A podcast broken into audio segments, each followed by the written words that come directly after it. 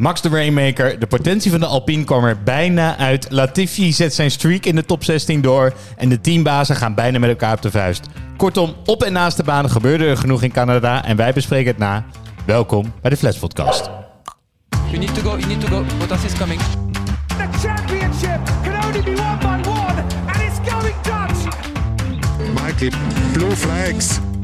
Even kijken hoe Tom die race beleefd heeft. Niet normaal.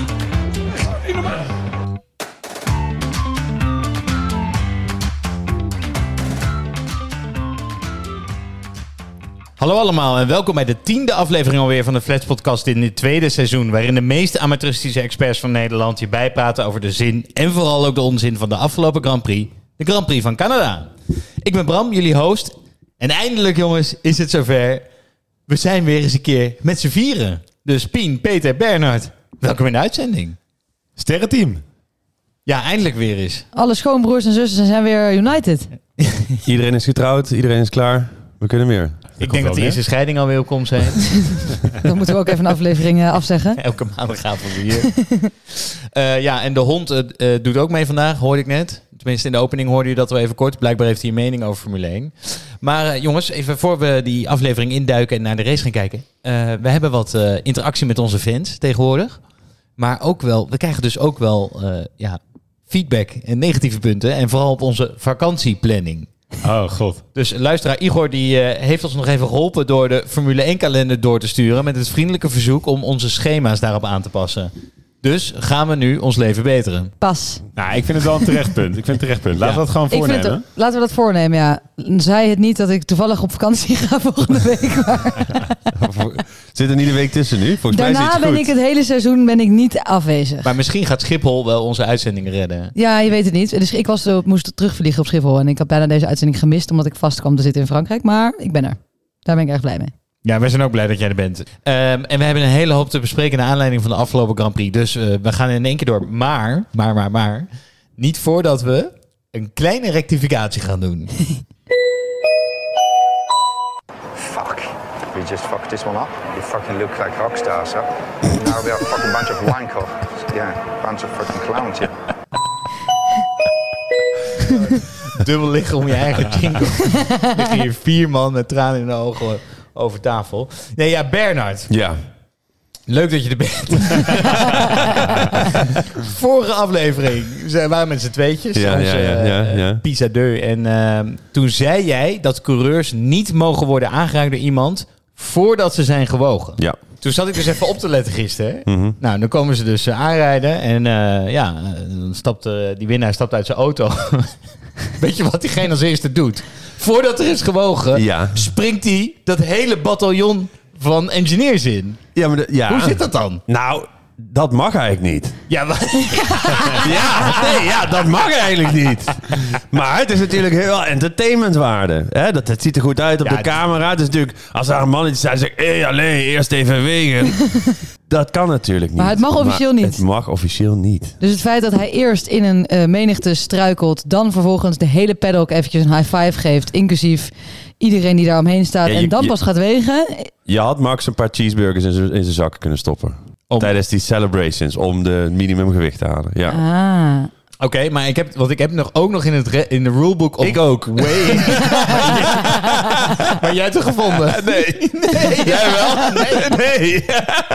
Ik dacht al, we nou nu... Ik vond het namelijk gisteren echt heel grappig, maar het is dus, het is wel, je, hebt, je had gewoon niet gelijk, toch? Nee, ik, heb nou wel, ik, ik- heb wel het nieuwsbericht gevonden waar je dit vandaan hebt. Ja, Maar eh, nee, het is gewoon... nee, ja ik, ik heb het ergens opgepikt en ik kon inderdaad ook een nieuw. Het was niet een heel eh, respectabele bron. Echt, ja, weet ik veel, crash news of zoiets. eh, punt. eh.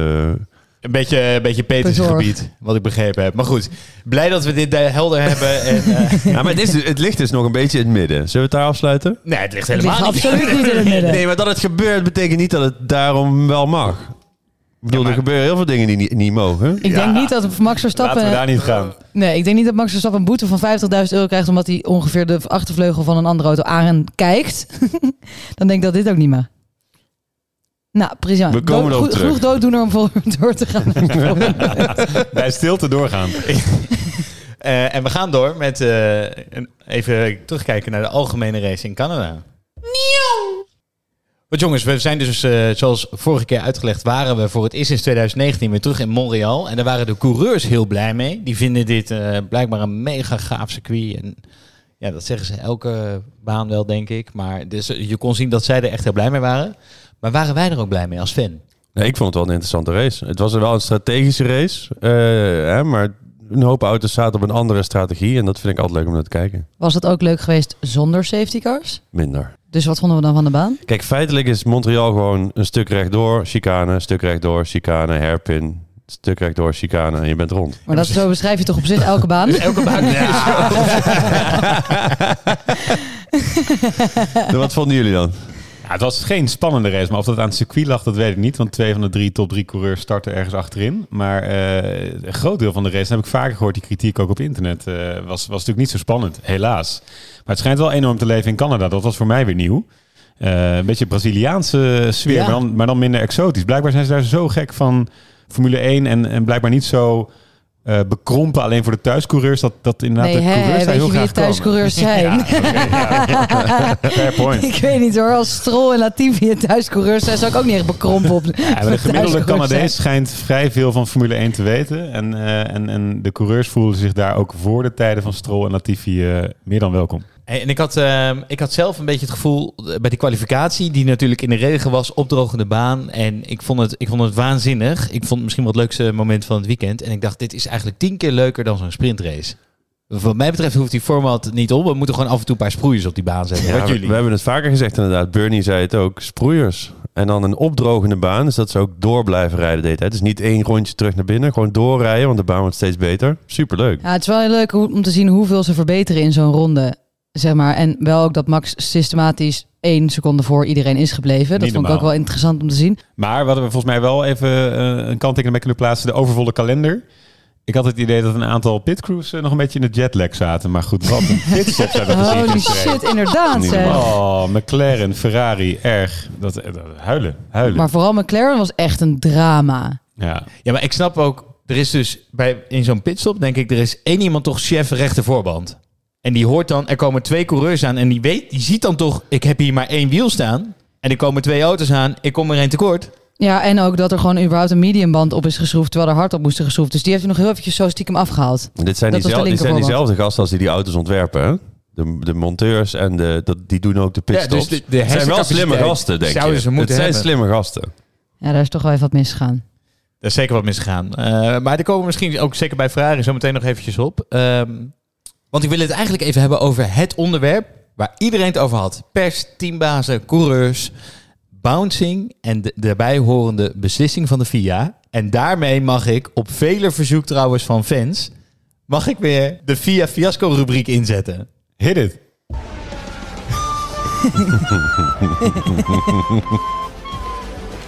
Michael, this is Toto. uh, Michael, I just send you an email.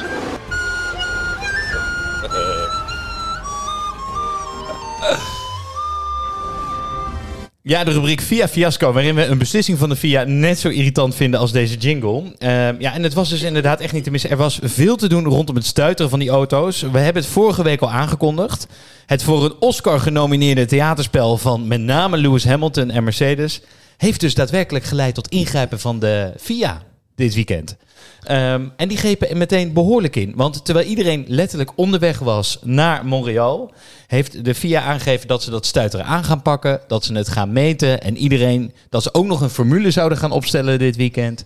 En iedereen die niet voldeed, zou in het slechtste geval zelfs gedisqualificeerd kunnen worden. Daar vond men nogal wat van, Ja. van het uitsturen. En de kritiek bestond eigenlijk uit drie dingen. De timing. Het was een paar dagen voor een race. Eh, zodat niemand meer daadwerkelijk wat kon aanpassen. En het was midden in een seizoen. En dat vonden mensen dan ook nog eens een keer oneerlijk. Dat je de regels halverwege verandert. De manier waarop, want het werd als een technical directive gebracht. Wat eigenlijk zoveel betekent als we leggen een regel uit. En we, we gaan niet nieuwe toevoegen. Dus daardoor konden ze hem ook meteen handhaven. Dus dat was een heel slinkse manoeuvre. Maar het derde, en dat is eigenlijk het leukst, de rol van Mercedes hierin. Want de inkt was nog niet droog van eh, de printers bij de meeste teams. En ik denk dat Binotto zelfs nog niet... Want die, die moest nog vertaald worden naar het Italiaans voor hem. En Mercedes had er al een tweede stang op zitten, wat wij vorige week bespraken. Ja. En dus dat, was, dat riekte echt een beetje naar alsof eh, Mercedes hierop geanticipeerd had en misschien wat voorkennis had. En toen was er een teambazenmeeting op zaterdag om hierover te praten. En het was gewoon 9 tegen 1. Dus er zijn... eh Toto Wolf, eh, die is natuurlijk voorvechter hiervan met zijn lobby. En er hebben gewoon negen man tegen Toto gezegd... Doe even normaal, het is jouw eigen probleem. We hoeven niks aan te passen. Toto schijnt ontploft te zijn in die meeting. Echt helemaal uit zijn plaat gegaan te zijn. Eh, en goed, dus er is, al, eh, er is heel veel gebeurd. En eh, de FIA heeft toen ook maar aangekondigd dat ze niet zouden handhaven. En eerst maar eens even gingen overleggen met de teams. En dan misschien voor Silverstone dit gaan aanpassen. Kortom, lang verhaal, maar het is een big thing. Procersmatig denk ik een mega fuck op van de FIA. Maar wat vinden jullie? Hebben ze nou gelijk om in te grijpen midden in zo'n seizoen? Om, vanwege veiligheid? Of is het nou toch een issue van die teams zelf? Nou ja, je kan dit heel makkelijk oplossen door die auto wat hoger te zetten. Je hoeft helemaal geen... Dus jij zegt dit is een issue van het team zelf? Ja. Ja. Zij hebben toch gewoon slecht op orde? Dan moeten zij er toch maar even iets nieuws. Hoezo moet de FIA hierbij ingrijpen? Omdat, omdat zij rugpijn hebben hierdoor. Ja, je zou kunnen zeggen dat, dat gezondheid hierin wel meespeelt. Omdat een Formule 1 team gaat zijn auto liever wat lager zetten met wat meer bouncing voor de coureurs. Dan dat ze zeg maar topsnelheid of snelheid opgeven. Dus je zou kunnen beredeneren dat de, dat de FIA in dit geval de coureurs in bescherming neemt door zoiets te doen. Maar ik ben het ook mee eens dat tussentijds regels veranderen eh, gewoon nadelig is. En eh, dan heb je het ook nog niet gehad over handhaving. Hè? Want nu gaan ze dus proberen te meten hoe hard er gebounced mag worden. En dat doen ze dan in de vrije training. Waarbij die gasten dus wel drie keer een uur dat gebounced hebben. Waarin ze die metingen gaan vaststellen. Ja, het, kwa- het kwaad is al geschied, wil je dan zeggen. Ja. Ja, ja, ja. Ja. ja. ja, dat is ook, Ja, ook volgens mij waar. moet er nog steeds een beetje accepteren. En dat is frustrerend. Maar dat Formule 1 naast een technische omgeving ook gewoon een enorm politieke arena is. Ja, En dat die lui als eh, Mercedes het gewoon weer van elkaar krijgen om, om zoiets er doorheen te drukken. Maar als Toto Wolff zeg maar, de aanvoerder is van dit hele gebeuren... dan gaat het toch niet alleen om de, om de gezondheid van de coureurs? Als je het uit van, vanuit zijn perspectief bekijkt. Nee, dus dat is natuurlijk de cover-up een beetje. Maar, Maar wat is dan ergens- zijn motivatie? Ja, dat is nog steeds een beetje onduidelijk. Maar het lijkt er toch op dat hij een manier vindt om het speelveld meer naar hem toe te trekken. Ja, want zij kunnen het niet in hun eentje. Dus dan moet iedereen maar eventjes hier eh, voor opdraaien. Dat is een beetje het ding, toch? Ja, zij, is... zij willen graag een grote verandering. Jeetje, we zijn nog niet eens bij de leekvraag, hè? Ach man. Nou goed, dus het is, eh, weet je, het is misschien een beetje een droog onderwerp, maar het hoort helaas bij die sport. Dus precies wat jij zegt, Peet. Eh, politieke arena. Ik denk dat we er bovenop blijven zitten, want dit gaat geheid terugkomen over twee weken. Hey, en eh, wij gaan eh, zoals altijd eh, in één keer door naar de uitslagenlijst. En we beginnen met onze P1. En eh Peet, jij wou het over Max hebben.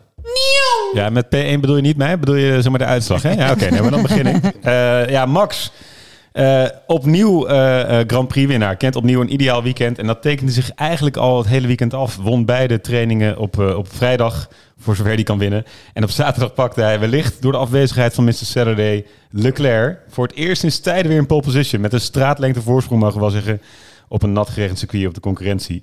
En vervolgens rijdt Verstappen eigenlijk een hele comfortabele race op zondag. Totdat rookie Tsunoda voor een safety car zorgt en hij nog even 15 ronden lang Sainz van zich af moet houden, die werkelijk continu binnen de DRS-afstand zit. Ehm, dat weet Max te weerstaan en dat zorgt uiteindelijk voor de volgende reactie van Max na de race. Dan heb ik even eh, het interview na de race gepakt, want eh, de boordradio van Max eh, direct na de race, die was defect. I think um, overall in the race, we seem to struggle a little bit more for pace compared to them. Um, so I think already if we, with the last stop I did, if it would have gone to the end, it would have been a, a close call, I think, to really fight him. But then I was also not entirely happy with the safety car, of course, because then he, he uh, came out behind me with new tires. So I gave everything I had in those last 15 laps, which of course are very enjoyable with an F1 car to go flat out. Ja, wat mij dus wel opviel, is dat Verstappen, hij staat er dus met een enorme glimlach staat hij dit te vertellen. Die vindt het dus, dus mooi dat het nog zo'n spannende race is geworden. Want die wedstrijd heeft eigenlijk twee gezichten gekend. Voor en na die, die safety car. Daarna is in ieder geval een kop heel spannend geworden. En eh, Verstappen, die, eh, waar denk ik andere coureurs onder de druk zouden bezwijken, houdt stand. Super knap. Bernard, even een vraag aan jou. Is dit eh, wat jou betreft de doorslaggevende factor hier de coureur of de strategie van Red Bull? Mm, een goede vraag. Eh, de, de coureur, de coureur, de auto. De strategie was goed, maar er waren meerdere strategieën die ongeveer even goed waren. Want ik twijfelde, Dus, wel, ik twijfelde wel over de strategie. Want ze waren natuurlijk heel vroeg gestopt. Denken jullie dat ze al hadden berekend dat hij die één stopper niet ging halen? Je commit wel aan een twee stop als je in tien, eh, ronde 10 gaat stoppen. Ja. Dat was sowieso. Dus die optie hebben andere coureurs langer open kunnen houden. Maar uiteindelijk was het ook zo. Dus als zij het in de data gezien hebben dat het sowieso geen één stop zou worden, was het wel slim. Ik vond het wel nog spannender dan ik dacht eigenlijk, moet ik eerlijk zeggen. Ik dacht, eh, hij rijdt zomaar weg naar die safety car. Maar het is gewoon verdomde binnen de seconde. Ik zat tegen Bram te zeiken, waarom komt hij niet buiten die DRS-zone eindelijk? Ja, Ferrari was eigenlijk misschien nog wel sterker dan, eh, dan, dan verwacht inderdaad. In ieder geval, eh, als ik kijk naar Sainz op, op dat laatste stuk. S- sneller dan ik had gedacht. Zeker. Veel sneller. Hey jongens, ik, eh, ik ga even een statement maken, want we zijn nu negen races onderweg. Ik had nooit gedacht dat ik dit had gezegd, even vergelijkende met de situatie na drie races dit jaar. Maar onze vriend Max Verstappen pakt nu de leiding in het wereldkampioenschap, die had hij al, maar staat na negen races van de 22, we zijn bijna halverwege, bijna 50 punten voor op Leclerc. Jongens, Max Verstappen gaat wat mij betreft gewoon wereldkampioen worden. Wat denken jullie? Ja, Peetje, ben knettergek. Waarom? Nee, ik- als, het, zeg maar, als iets deze race wel bewezen is, maar is dat hij nog lang geen wereldkampioen is. Oh. Verklaar je nader. Nou, dus ik vind het een beetje gestolen punten. Dus in de kwalificatie niet. Kwalificatie weergaloos. Hebben we nog niet genoeg over gehad. Maar ik denk een, een, een kwalificatie die we jaren later nog herinneren. Zo, zo verdomd goed. Maar in die race, eh, je vergeet even, Checo is gewoon uitgevallen met technische problemen. Hè? Dat is precies dezelfde auto. Gooi een kwartje op en het was de auto van Max geweest. Dus zij hebben dat er niet uit. Dan vervolgens, als je met heel veel pijn en moeite Sainz achter je weet te houden, dan weet je zeker dat je Leclerc nooit achter je had weten te houden op dat stuk. Met andere woorden, die Ferrari is gewoon sneller geweest. Eh, of Leclerc had sneller geweest. En dus die hebben een heel goed pakket samen. Eh, die rechte lijnsnelheid is er helemaal uit bij Red Bull. Dus ja, hij heeft veel punten voorsprong, maar hij is er echt nog niet. Nou, dus dat is wel een interessant punt. We hebben nu over de betrouwbaarheid ook van Red Bull. Maar er is een theorie dat Perez zijn eh, uitvalbeurt op zondag eigenlijk aan zichzelf te wijten heeft kijken naar de zaterdag. Wat heeft hij namelijk gedaan? Hij rijdt een bandenstapel in. En in plaats van dat hij vervolgens zich overgeeft en laat wegtakelen, zet hij zijn achteruit met zijn voorvleugel vast onder een muur. En heeft blijkbaar toen mogelijk zijn, zijn eh, koppeling of zijn schakelbak beschadigd. Dus dat het puur betrouwbaarheidsissue was van eh Perez gisteren, dat is niet gezegd. Terwijl ik wel durf te zeggen dat Ferrari structureel een betrouwbaarheidsissue heeft. Nou, En daarmee blijf ik bij mijn punt, jongens. Dat hij maar zomaar zijn tweede titel eh, op rij kan gaan pakken. nou, hij heeft wel natuurlijk, hij kan dus twee keer gratis uitvallen. hè? Bijna. Max. Verstappen op, eh, Verstappen Leclerc. op Leclerc. Ja. Dus hij kan bijna twee keer gratis uitvallen, dan staat hij alsnog ongeveer gelijk. Dus best veel. Want en dan, dan zou Leclerc moeten winnen. Eh, dus die marge is wel groot. Maar ja, aan de andere kant, die, ja, ik weet niet, die problemen bij Red Bull eh, motoren zijn nog niet helemaal opgelost hoor. Het lijkt een beetje heen en weer te pingpong eigenlijk. We hebben, het- we hebben het er vorige week eigenlijk niet over gehad, maar er komen nog meer gridstraffen aan. Hè? Oh ja, en ik heb wel ook gehoord trouwens, om eventjes nog wat juice even erin te gooien, dat Red Bull eh, al bijna een maand geleden gaat er een rol door dat Red Bull al voor over nee voor 75% eh, aan hun budgetcap zitten. Hoe noem je dat? Ja. Dat ze al 75% van hun budget hebben gebruikt aan ontwikkelingen. ja, met andere woorden, die kunnen niet zoveel updates meer gaan Die doorvoeren. kunnen niet meer zoveel updates gaan doorvoeren. Dus Binotto zou nog wel een punt kunnen hebben dat ze aan het einde van het seizoen in de problemen Maar kunnen waar komen. zit Ferrari dan? Weet ik veel, maar ik ja, heb maar gewoon... daar- daar gaat het dan wel om. Nee, Als ja. Ik vind het 80% nogal zit. speculatief allemaal Ja. dit. Dat is hartstikke speculatief. Ja, jongens. eh, hey, mag ik ook even eh, wat bronnetjes even aanhalen hier en daar? Ik steek in ieder geval mijn hand ervoor in het vuur, jongens. Einde jaar kunnen we weer gewoon oranje feest gaan vieren. Nou, kijk nou, dus een nog laatste punt dan. Dit zeiden we vorig jaar ook. Ook voordat we naar Silverstone gingen. En weet je wat er toen twee races is gebeurd? Is die in Silverstone eraf getikt door Hamilton. En de race daarna in Hongarije door Bottas. En was het weer helemaal bij elkaar. Hoeveel punten stond hij toen voor? 34. Dus ongeveer. Dus er zijn er nu wat meer. Maar orde grootte net zoveel. En er kan nog van alles Ja, met gebeuren. andere woorden, ik, ik jinx hem gewoon mogelijk weer. Want volgens mij was ik vorig jaar ook degene die het zei. En overigens wel, hey, bij het rechte eind heb gehad. Maar oké, Maar het, het heeft wat twee druppels gekost. nou, het was een beetje spannend op het eind. Ja. Oké. En degene die het hem heel moeilijk maakte was Carlos Sainz. En die is zelfs tweede geëindigd. En Bernard, daar had jij wat puntjes over. Ja, Carlos Sainz. Ehm, op zich een goede race gereden. Ik denk zijn beste race in de Ferrari van dit jaar. Ehm, in Baku viel hij nog ver terug eh, in de eerste paar rondes. Voordat hij, eh, voordat hij vrij snel ook weer uit, eh, uitviel. Maar gisteren dus een solide race. Eh, ik heb een fragmentje over, eh, over het interview na de race. Hij, was, hij vond zelf ook dat hij het goed had gedaan.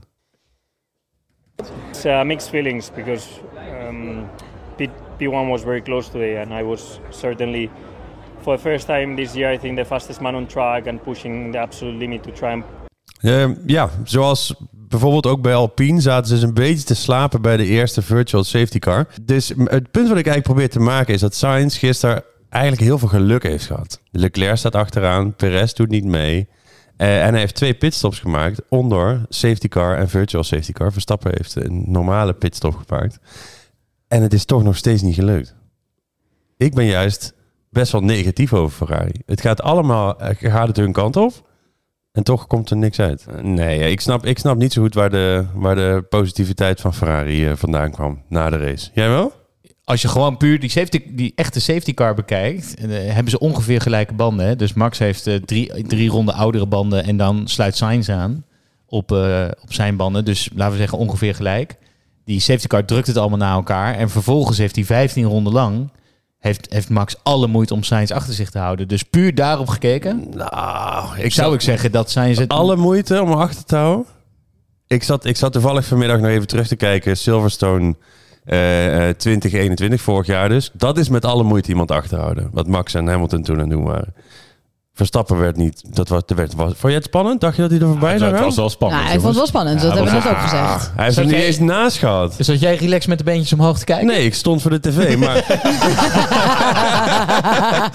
maar, nou, ik, ik, ik denk dat Max... Het, Max, Max eh, gaf niet alles, denk ik. Dat denk ik wel. Dat denk ik wel. Dat denk ik, dat denk Ja. ik ook wel. Anders dan had hij hem echt wel... Je wil hem in ieder geval uit de DRS rijden. Mm, Je houdt hem niet expres in je DRS. Nee. Zo van lekker. beetje lekker iemand hebben- entertain, entertainmentwaarde op de Ook zondagmiddag. niet. ook niet. Had het nou nog wat uitgemaakt als hij naar geel was gegaan? Ja, geel was niet de raceband gisteren. Dat, eh, dat werd al vrij snel duidelijk. Die, die, die vielen na tien rondes vielen die eh, off the cliff. Volgens mij waren het Gasly en Vettel die in ronde zes al naar binnen gingen met die gele. Eh, nee, dat was niet, eh, niet de raceband. Had het wat eh, uitgemaakt als er grind had gelegen? Als er grind Dan had was hij niet gefinished, denk ik. Oh, dan moet je even uitleggen. Sorry, overal waar grind is, eh, crashed signs. Dus heel veel Ah, mensen ja, hebben... Ja, ja, daar ja. wil ik wel Heel veel naartoe. mensen hebben gridstraffen en hij heeft grindstraffen. Ik zou net wel graag wel even teruggaan naar Sainz. Want Volgens mij heb je niet geluisterd naar mijn grap. ehm, Sainz, dat duurt nu wel te lang. Nou ja, Dat is mijn conclusie. Die kerel rijdt dus nu an- bijna anderhalf jaar in een top 3 team. Nu top 2 team. En wint dus nog steeds geen race. En Zeker. staand, en ik moest gisteren Dit zei je ook over Leclerc vorig jaar. Dit, Ja, zei, dus dit zei ik ook over Russell vorig jaar. Namelijk Leclerc won ze nu en dan wel eens een race. Ehm Sainz is wel echt, duurt nu wel lang. En dat wordt wel pijnlijk. Ik vind hem ook wel steeds wat meer onzekerder overkomen. En Ja. een beetje met de ziel onder zijn arm over die paddock heen. En dit was inderdaad de kans. ik zie in hem niet iemand die ooit een team leidt. Als coureur. Nou, maar hij kan toch wel een race winnen? Ik bedoel, eh, hij heeft gewoon een beetje eh droogstandvrees. Maar eh, in dat op, laat ik zo zeggen. Als ik jullie vraag, dus Schumacher heeft ook een probleem, hè, want die, eh, die verdient dus geen punten. Ook al, eh, die wacht er nogal lang op.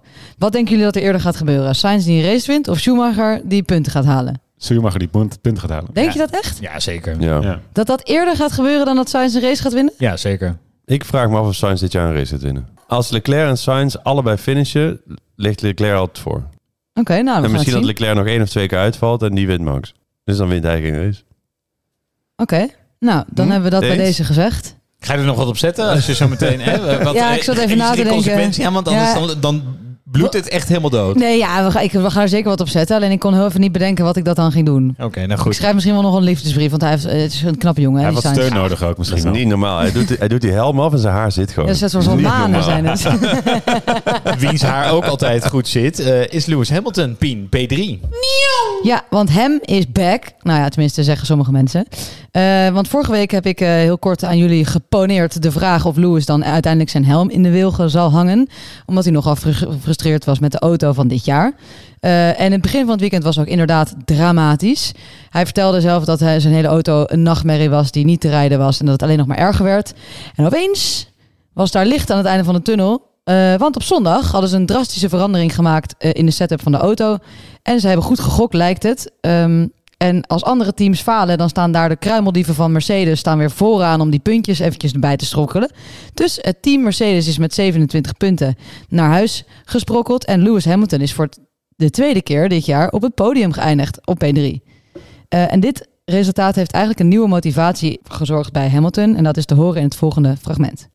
honestly one of the best feelings of the year to be back and then just to kind of be in the race you know see the guys ahead and feel some of the potential in the car Um, that's a real positive for us. Apart from Barcelona, this is I think this is the best race pace we've had. The car really felt a lot better, uh, and I don't know what was why, but I was like, okay, okay, we can maybe we can compete. And I was like, oh, maybe I can hold on to them. But they took they they switched onto another level on the restart, and um, it was tough to hold on to them. But um, I'm, glad I did everything I could to get ahead.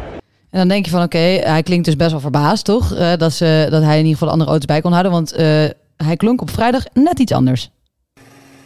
Yeah, this car is not undrivable, man. Dus nou goed, eh, hij heeft er wat nieuwe motivatie gevonden en hij heeft iets potentie in de auto gevonden, merkt hij. Eh, maar eigenlijk is mijn vraag aan jullie, denk je dat dat echt waar is? Of denk je dat ze eigenlijk nog wel een probleem gaan krijgen met dat hele porpoise probleem? Wat mij opvalt hier is dat ze het zelf niet begrijpen. En dat is Nee, dat nooit klopt. goed. Ik bedoel, dit is puur toeval, lijkt. Ja, problemen zijn volgens mij nog niet voorbij inderdaad. En, en wat goed is om te zeggen, ik vind het op zich mooi om Hamilton weer op het podium te zien. Maar het ligt mede aan eh, de kwalificatiefout van Russell op zaterdag dat hij nu een keer op het podium staat. En ook omdat Perez en Leclerc achteraan starten. Dus het is nu even Hosanna, maar dit is een uitzondering.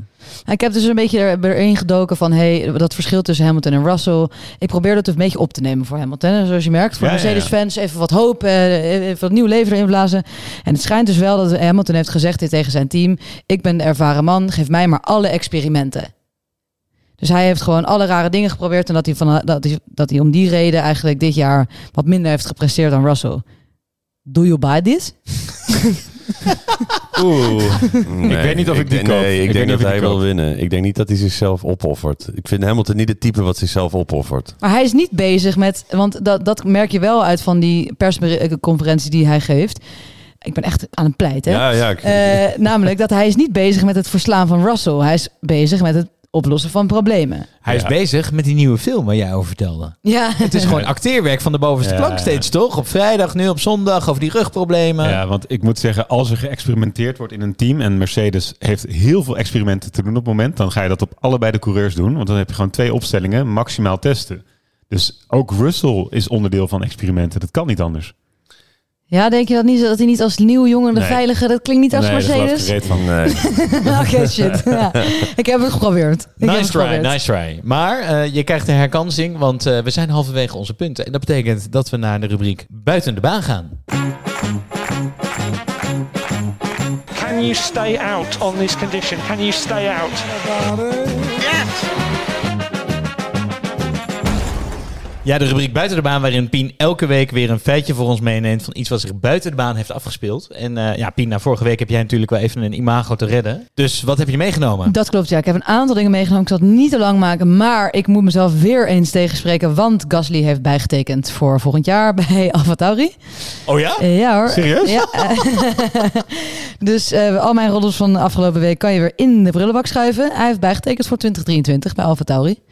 Ehm Wanneer is dat bekend geworden? Dat heb ik totaal gemist. Ik ook. dat is, ik, ja, ik hoop wel dat, dat ik toch wel echt een officieel Instagram post heb gezien. Maar eh, dat volgens mij wel. En eh, anders hebben jullie weer een leuke rectificatie. Eh, en eh, de roddel gaat, namelijk hè, GoTV, Latifi, zoals we hem kennen, die gewoon consistent achteraan rijdt. Ehm, stel je voor dat hij eruit gaat. Piastri, die zit nu in een Formule 1, eh, Formule 2 eh, eh, kampioenschap, die wordt gelinkt aan zijn stoeltje. Mhm. Dat betekent dus dat zijn vader zijn zoon zal moeten ontslaan. Dat wordt al een dingetje op zich. En dat Piastri in het stoeltje komt en die wordt gebackt door Renault. Dus het kan zo zijn dat Williams vanaf volgend jaar of het jaar daarna een Renault-powered auto wordt. Die roddels gaan in ieder geval. Maar dat, wacht even, maar een motorleverancier gaat toch niet de coureur volgen? Nou, dat, is, dat schijnt wel gewoon echt zo te zijn, ja. Nou, het, zou, het zou aansluiten op het bericht dat Mercedes, net heeft Toto Wolf geroepen, minder, minder teams wil gaan bedienen met hun motoren. ja. Dus in dat en het sluit aan bij de dingen die ik lees op Formule 1 Juice kanalen. En die zijn, ja. En die zijn super betrouwbaar. En dat is waar. En wat ook waar is, is dat eh, onze Alonso eh, startte als tweede en is niet gefinished op P7, wat iedereen dacht toen ze de tv uitzetten, maar uiteindelijk op P9, Peter. Ja, dit is misschien toch wel de teleurstelling van dit weekend. Want Alonso, Fernando Alonso, zorgde toch wel echt even voor een kleine wereldschok op zaterdag. Reed namelijk een extreem goede kwalificatie en eindigde op de eerste startrij op P2, recht achter Max. Eh, en dat was toch wel echt een beetje de Formule 1-wereld op de kop. En dan is het racedag. Dan komen er twee virtual safety cars. En word je niet naar binnen gehaald door je team. Om vervolgens door een Ferrari, twee Mercedes en uiteindelijk zelfs door je eigen teamgenoten te worden ingehaald. En dan eindig je op P7. Krijg je na de race zelf nog vijf seconden time penalty. Omdat je hebt lopen weaven. Eh, zeg het goed? Weaven? Weaveren. En dan word je opeens eh, P9. En dan krijg je twee punten voor de moeite. En dan heb je de volgende boordradio na de race. Okay, mate. Uh, good race. Speed 7. Sorry about the, the issues we had, It's okay, man. but uh, well managed. Ja, it's okay man. Maar ik zit me nu wel even af te vragen. Wat denkt Alonso op zo'n moment na zo'n race? Start je van P2. Acht, finish je achter je eigen teamgenoot. Terwijl je eigenlijk gewoon een perfect weekend rijdt. Ik denk dat hij niet reageerde dat hij Piastri aan het bellen was. Van gozer, wil jij mijn stoeltje hebben volgende race? Want ik kap ermee. Ik kap ermee. Ja. Het- We hebben nu wel zo vaak achter elkaar gezegd dat de potentie in de auto van eh, Fernando Alonso zat en dat hij het niet heeft kunnen waarmaken. Het is wel eigenlijk echt een beetje een herhaalde grilletje aan het worden. Ik dacht na vorige Ik, week. ja, ik, ik begin er gewoon niet meer over. Ja, jij had hem helemaal aangekondigd. En nou, staat hij op P2. Ik denk, verdomd, krijgt die Bernard nog gelijk ook. Ja, nee, het is echt. Hij, hij zei nog dat hij Max ging aanvallen hè, in de eerste bocht. nou, dat is mooi mislukt. Hij had een luchtlek. Ja, dat kan gebakken lucht zijn, natuurlijk. maar dat is het officiële eh, persbericht. Hij Had had een, een, een eh, luk, le- eh, luchtlek. Gebakken luchtlek. Ja, dus hij haalde aan het eind van de race niet zijn topsnelheid meer. Dat was mede het verhaal, toch? Ja, ja. Maar en hij is Wat gewoon is een- twee keer. Wat is een luchtlek? Ik Ja, dat, dat, van. vraag jij dat nou aan mij? Ja. ja weet ik veel. ik lees ook maar gewoon diezelfde websites die jij leest. Maar en, want en zijn team heeft gewoon een fout gemaakt. Een, een- Behalve een dat hij paar een paar. fouten, ja. Ik bedoel, laten we eens eerlijk zijn, dat die allebei niet is gepit bij die virtual safety cars is natuurlijk gewoon wel heel dom. Het- je, hebt- je moest echt je best doen om niet onder een safety car te pitten gisteren. Ja. Maar ze, het is ze gelukt. Ja, maar dat was wel echt heel triest om te zien. Dus hij, hij na die tweede virtual safety car, waar iedereen op nieuwe banden de, de trek op rijdt, wordt hij gewoon als een ja, Ja, als gewoon enige. met twee vingers in de neus erin ingehaald. Ja, het is wel En dat is wel zonde. zonde. Ik had Ja. echt verwacht dat hij een super Alonso-trein zou maken. Dat zou ik zo leuk vinden. Dat hij op P2 gewoon iedereen achter zich zou houden. Maar dit keer heeft Ocon voor het kleine treintje gezorgd. Was lastig op 40, maar ronde oude banden. Ja, en de technische problemen van Alonso waren niet groot genoeg om een meatball flag te krijgen. Maar iemand anders die die kreeg deze race was Kevin Magnussen. En daar gaat de lekenvraag van de week dan ook over. Uh, Michael, I just send you an email um, with the diagrams where the car should be. Did you receive that? Uh, yeah, then you should maybe look at this because there is something with the rules coming up.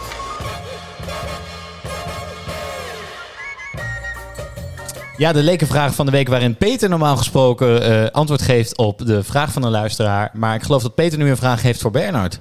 Ja, dat klopt. Eh, we kregen de vraag binnen, Bernard, eh, over die meatballvlag. Want eh, Kevin Magnussen, die rijdt aan het begin van de race, eh, heeft hij contact met Lewis Hamilton. Vervolgens zit er een zijstukje van zijn voorvleugel zit los. En vervolgens krijgt hij dus een zwart gekleurde vlag te zien met een oranje stip. En dat is niet een nieuwe vlag van Japan, maar dat is de meatballvlag. Wat Ja. betekent dat? De mechanische zwarte vlag. Die kun je inderdaad krijgen als je over de baan rijdt eh, met een auto waar bijvoorbeeld de- sommige delen aanhangen en dat het een gevaar kan zijn voor andere coureurs. Dan word je eigenlijk opgedragen om naar de pit te gaan en eh, dat te vervangen. En ja, als je dat niet doet, dan, eh, dan word je uit de race gehaald. Het is inderdaad zo, als, als dat stukje van de voorvleugel daadwerkelijk ervan afgebroken was, zou het een gevaarlijke situatie op kunnen leveren. Want, want dat denken misschien mensen van, is het niet wat overdreven? Dat hangt toch allemaal wel vast genoeg? Maar dan kunnen we volgens mij een beetje terug gaan kijken naar eerdere incidenten. Als er zoiets kleins als zo'n stukje of nog kleiner losraakt en een coureur erachter raakt, dan zijn de rapen gaar, klopt dat? Nou ja, dat is in het verleden wel eens gebeurd, ja. 2009, Massa kreeg een, eh, een stuk van een andere auto op zijn helm.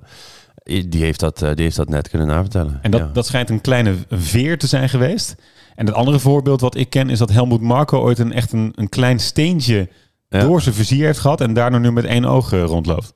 Ja, zo zie je. Echt, En- ik en dacht dat altijd dat hij gewoon geboren was met zo'n dwaas oog. Maar dat komt dus echt ergens Jij dacht door. dat is onderdeel van zijn imago. Ja, Ja. het past goed bij zijn imago. Ja. Ja, ik net zeggen. ja. Maar dit is dus wel de reden dat zijn Ocon achter Magnussen zit en actief op de radio zegt laat die gek naar binnen gaan. Ja, maar het blijft wel Formule 1, hè. Dus Ocon die wil ook Magnussen naar binnen hebben, want dan staat hij voor Ocon. Nou, Of dan staat Ocon voor Magnussen. nou ik moet zeggen, als ik die foto's van Massa en, eh en Helmut Marco zie, dan zou ik als coureur ook wel echt vragen of die gewoon als die. eh, die Tuurlijk, maar het is een beetje van beide natuurlijk, hè. Kunnen we wel even zeggen hoe oerstom die actie van Magnussen was? Ja, wat dom joh. Eh, Ongelooflijk, Niks toch? te winnen, niets te winnen daar. Echt Nee. niet. Torpedo. En hij ligt op zo'n mooie positie. Was het P6 of zo waar hij op lag? Echt niet. Nee, volgens mij was die P4 toen. En gaat hij met Lewis om P3? Ja, het- Ja, of zoiets. Het is, Whatever. echt, het is echt... Maar het is toch mooi dat je dan verplicht naar binnen moet daarvoor. Doei. Ja, doei. Arme Gunther, die was Race waarschijnlijk voorbij. weer aan het schelden ergens in die garage. Ja, de- het was voor Haas snel voorbij. Oké, wij gaan verder. Wie we ook nog in... We blijven vandaag helemaal in de top 10, jongens. Eh, want wie we daar ook nog tegenkomen is... eh, onze Chinese coureur van het team Alfa Romeo. Waarvan ik de naam nog steeds niet kan uitspreken. Maar Pien, wellicht kun jij er wat aan doen. Ja, nou, we hebben dus even opgezocht hoe je het nou uitspreekt. Want ik word een beetje gek van al die verschillende uitspraken. Dus Bram, eh, voor eens voor altijd. Het filmpje hebben we opgezocht hoe je zijn achternaam nou uitspreekt. Ja, vraag me niet hoe ik dit heb gevonden, maar komt-ie. We are looking at how to pronounce this name as well as how to say more interesting but often confusing Chinese names. Mispronounced, so make sure to stay tuned to the channel if you enjoy learning. how do you say it? Komt-ie. Cho. Oh. Cho. Cho. Cho. Cho, oké. Cho. Dit is het raarste filmpje dat ik in tijden heb gezien. Ik sta hier niet in voor de juistheid van dit filmpje overigens. Maar goed. Cho. Cho. in ieder geval Cho. Dus ehm, was ons nog niet vaak opgevallen dit seizoen, maar toch deze week heeft hij iets met ons gedaan. Behalve dat we nu eindelijk weten hoe we zijn achternaam uitspreken. Namelijk, hij heeft een goed weekend gehad. Dus hij startte in P, oh, P10, dus zijn eerste keer in Q3. Eh, en hij is geëindigd op P9, maar door de penalty van Alonso is hij gepromoveerd naar P8. Eén plekje achter Bottas. En ik kan zelfs, eh, tenminste, ik vind zelfs dat hij het zelfs beter heeft gedaan dan Bottas. Wat natuurlijk bijzonder is, want Bottas was een hele consistente coureur dit seizoen. Want Bottas had een gratis pitstop onder safety car. En zo, Joe, sorry, die, die zat vast in een DRS-treintje. En daar zonder dat was hij dan eindelijk voor Bottas geëindigd. Dus we moeten het hem nageven. Hij maakte dit jaar zijn droomdebuut door meteen een punt te scoren. En dit is de tweede keer dat hij punt heeft gescoord dit seizoen. nu heb ik even zijn bordradio geluisterd. En het lijkt echt alsof hij al jaren wacht op dit resultaat. Moet je luisteren. Wow, let's go. We earned this one, guys. We earned this one. Been here such a long time, but yeah, we keep keep pushing. Thank you. It's only the start of this journey. Fuck, we deserve this fun for such a long time. Such a long time. zeg maar alsof hij al Hoeveel races hebben we gehad? Ja, zeg maar, gewoon acht races gehad waar hij geen punten heeft gescoord in zijn eerste jaar in de Formule 1. Hij doet echt alsof hij Fernando Alonso heeft, is en zeg maar nog steeds geen podium heeft gepakt, weet je wel. Maar anyway, hij is dus blij. Hij heeft niet een super denderende carrière gehad hiervoor. Eh, maar hij heeft dus wel een goed weekend gereden. En volgens hem dus het begin van een hele mooie nieuwe journey. Mijn vraag aan jullie, zou hij dan toch een beetje kunnen racen? Nou, Nou, nou. Ja, Nee, kijk, ik, ik had het hier... eh, Nummer 24. Nummer 24. ik had het hier met Bernard over in de auto hier naartoe. Eh, van, ja, wat vinden we nu van Cho? Ehm, en want hij is eigenlijk een beetje onzichtbaar. Het is moeilijk om hier echt een goed oordeel over te vellen. Maar wat ik wel, waar we een beetje op uitkwamen... Hij maakt weinig fouten. Ja. En mede daarom vind ik het wel een geschikte coureur van de Formule 1. Want als je nou even kijkt naar bijvoorbeeld het rookiejaar van Schumacher, Tsunoda. Tsunoda. Echt veel beginnersfouten. Ik bedoel, Tsunoda gisteren nog. En deze man, ja, tenzij ik wat dingen gemist heb, maar dat zijn niet heel veel beginnersfouten geweest. Dus ik vind het, ja, ik vind het een eh, tot nu toe geslaagde start van, eh, van Joe. Nou, hij heeft 1. een paar DNF's gehad, maar die waren vooral betrouwbaarheid. Ja. Volgens mij heeft hij twee of drie keer in Q3 gestaan. En ja, hij doet het gewoon wel prima eigenlijk. Maar eh, begrijp ik nou goed dat jullie die podcast voorbespreken, zodat jullie dan nu met z'n tweeën eensgezind een mening kunnen brengen? Ik vind dat niet normaal. Dat vind ik niet normaal. Ah, je moet het ergens over hebben. Maar Maar laat ik- in de auto. Laat ik het dan even voor eh, Joe opnemen. Want hij doet het echt wel beter dan zijn resultaten doen vermoeden. Want in Baku is hij dus uitgevallen met motorproblemen en reed hij ook op punten. En er zijn een paar momenten eerder geweest dit seizoen dat hij net even pech had. Ja. Dus, weet je, we hebben het hier niet over de nieuwe Max Verstappen of Michael Schumacher natuurlijk. Maar eh, een mega stabiele, goede coureur. Zeker voor zijn debuutjaar. Dus we zijn, jullie zijn het gewoon met elkaar eens, alle drie. Ja. Kun jij, heb jij er nog iets? Nee, ik vind het eigenlijk wel een, gewoon een solide punt. Ik denk dat hij het prima doet. Nee, maar ik die vind was het nu, echt... nee, sorry. We moeten dit toch feestelijk inzetten. Ik vind het, eh, ik vind een beetje een grafstemming nu ontstaan Wat? rondom Joe. Nou, ja. Moet- Maar moeten we dan feest vieren met hij doet het niet super slecht? Applaus voor Joe! Is dat dan onze, onze vind de het dat lekker klinken eigenlijk, ja. Ja. Ja, ik wil hem wel afsluiten, dit punt, maar dan niet zozeer over Joe, maar meer over een collega van hem. Ik heb zo hard gelachen om die cra- crash van Tsunoda. Het is alsof er een PlayStation Echt, als opeens... jij een nieuwe auto koopt in de garage, in de showroom, en je rijdt rechtdoor tegen de muur aan, dat is wat hij doet, hè? ik heb er zo hard om gelachen. Maar het is gewoon alsof echt- hij opeens aan een spel aan het spelen was op zijn PlayStation en dan opeens de, het internet uitvalt. Zo was het gewoon. Ja, of dat opeens de lenassist uit, is uitgezet Gewoon door iets. je vriendje. Oh. naast je hij zat. rijdt gewoon een pit. Het is echt alsof je inderdaad een nieuwe auto hebt gekocht en gewoon een rechte muur rijdt. Ja, goed. Terwijl ook hij tot nu toe prima seizoen rijdt, dat even gezegd Nee, hebben. oké, maar in zijn eerste jaar moest hij inderdaad wel op zich verhuizen van een één land naar een ander land om minder problemen te hebben. Dus in dat opzicht, Joe, Joe, doet goed. Ik kan de Netflix-aflevering ook sterk aanraden... waarin hij met een enorme koffer naar zijn eh wat is het, McLaren-tour loopt. En erachter komt dat die koffer niet in zijn auto past... omdat er helemaal geen bagageruimte in zit. Nou, het is hilarisch. Wat meestal ook hilarisch is, maar vooral scherp en goed... is eh, de column van Dichter Luc over deze race.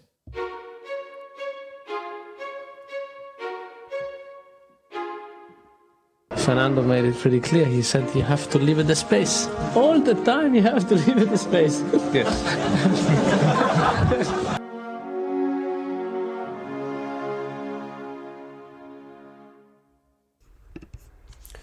Waar we het op basis van de kwalificatie misschien hadden gedacht, bracht Gilles Villeneuve dit weekend niet de walk in the park voor Max zoals verwacht.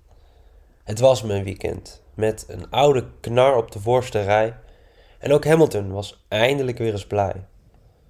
Met een eerste podiumplek in maanden krijgt hij langzamerhand weer de ouderwetse praatjes. Maar helaas, Lewis, die vullen vooralsnog geen baanbrekende gaatjes. Wel een hoop hoop. Heel veel hoop. Goed.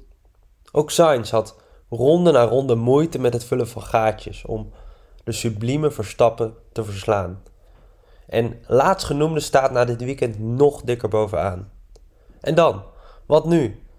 Gaat er in het kampioenschap nog wat spanning komen?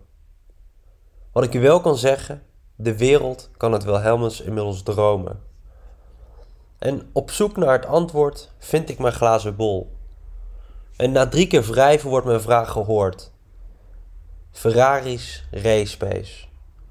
Dat wordt het codewoord.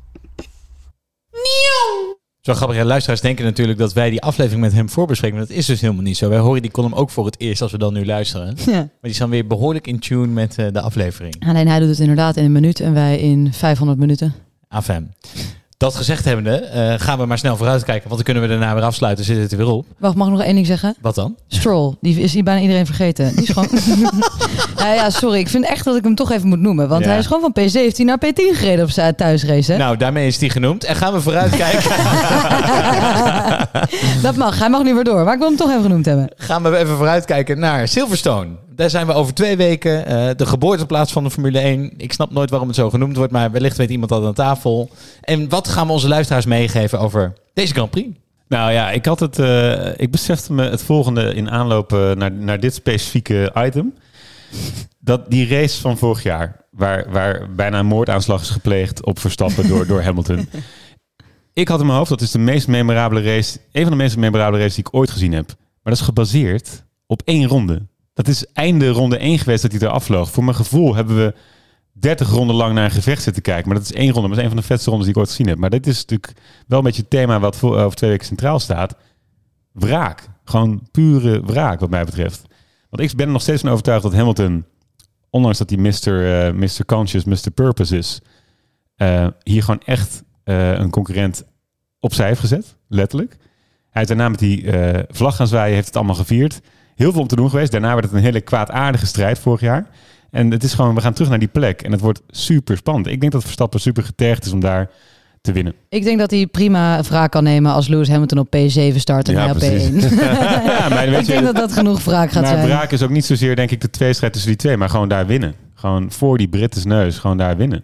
Dat is wraak. Ja, Maar ik, weet- ik weet nog wel dat ik dat echt het echt pisnijdig was, die race, toen dat gebeurde. Ik was echt, ik was boos. Maar wacht even. Weet je het nog? Het was een moordaanslag van één persoon, maar daarna hebben 16 miljoen mensen een hele race een moordaanslag zitten voorberamen op Hamilton.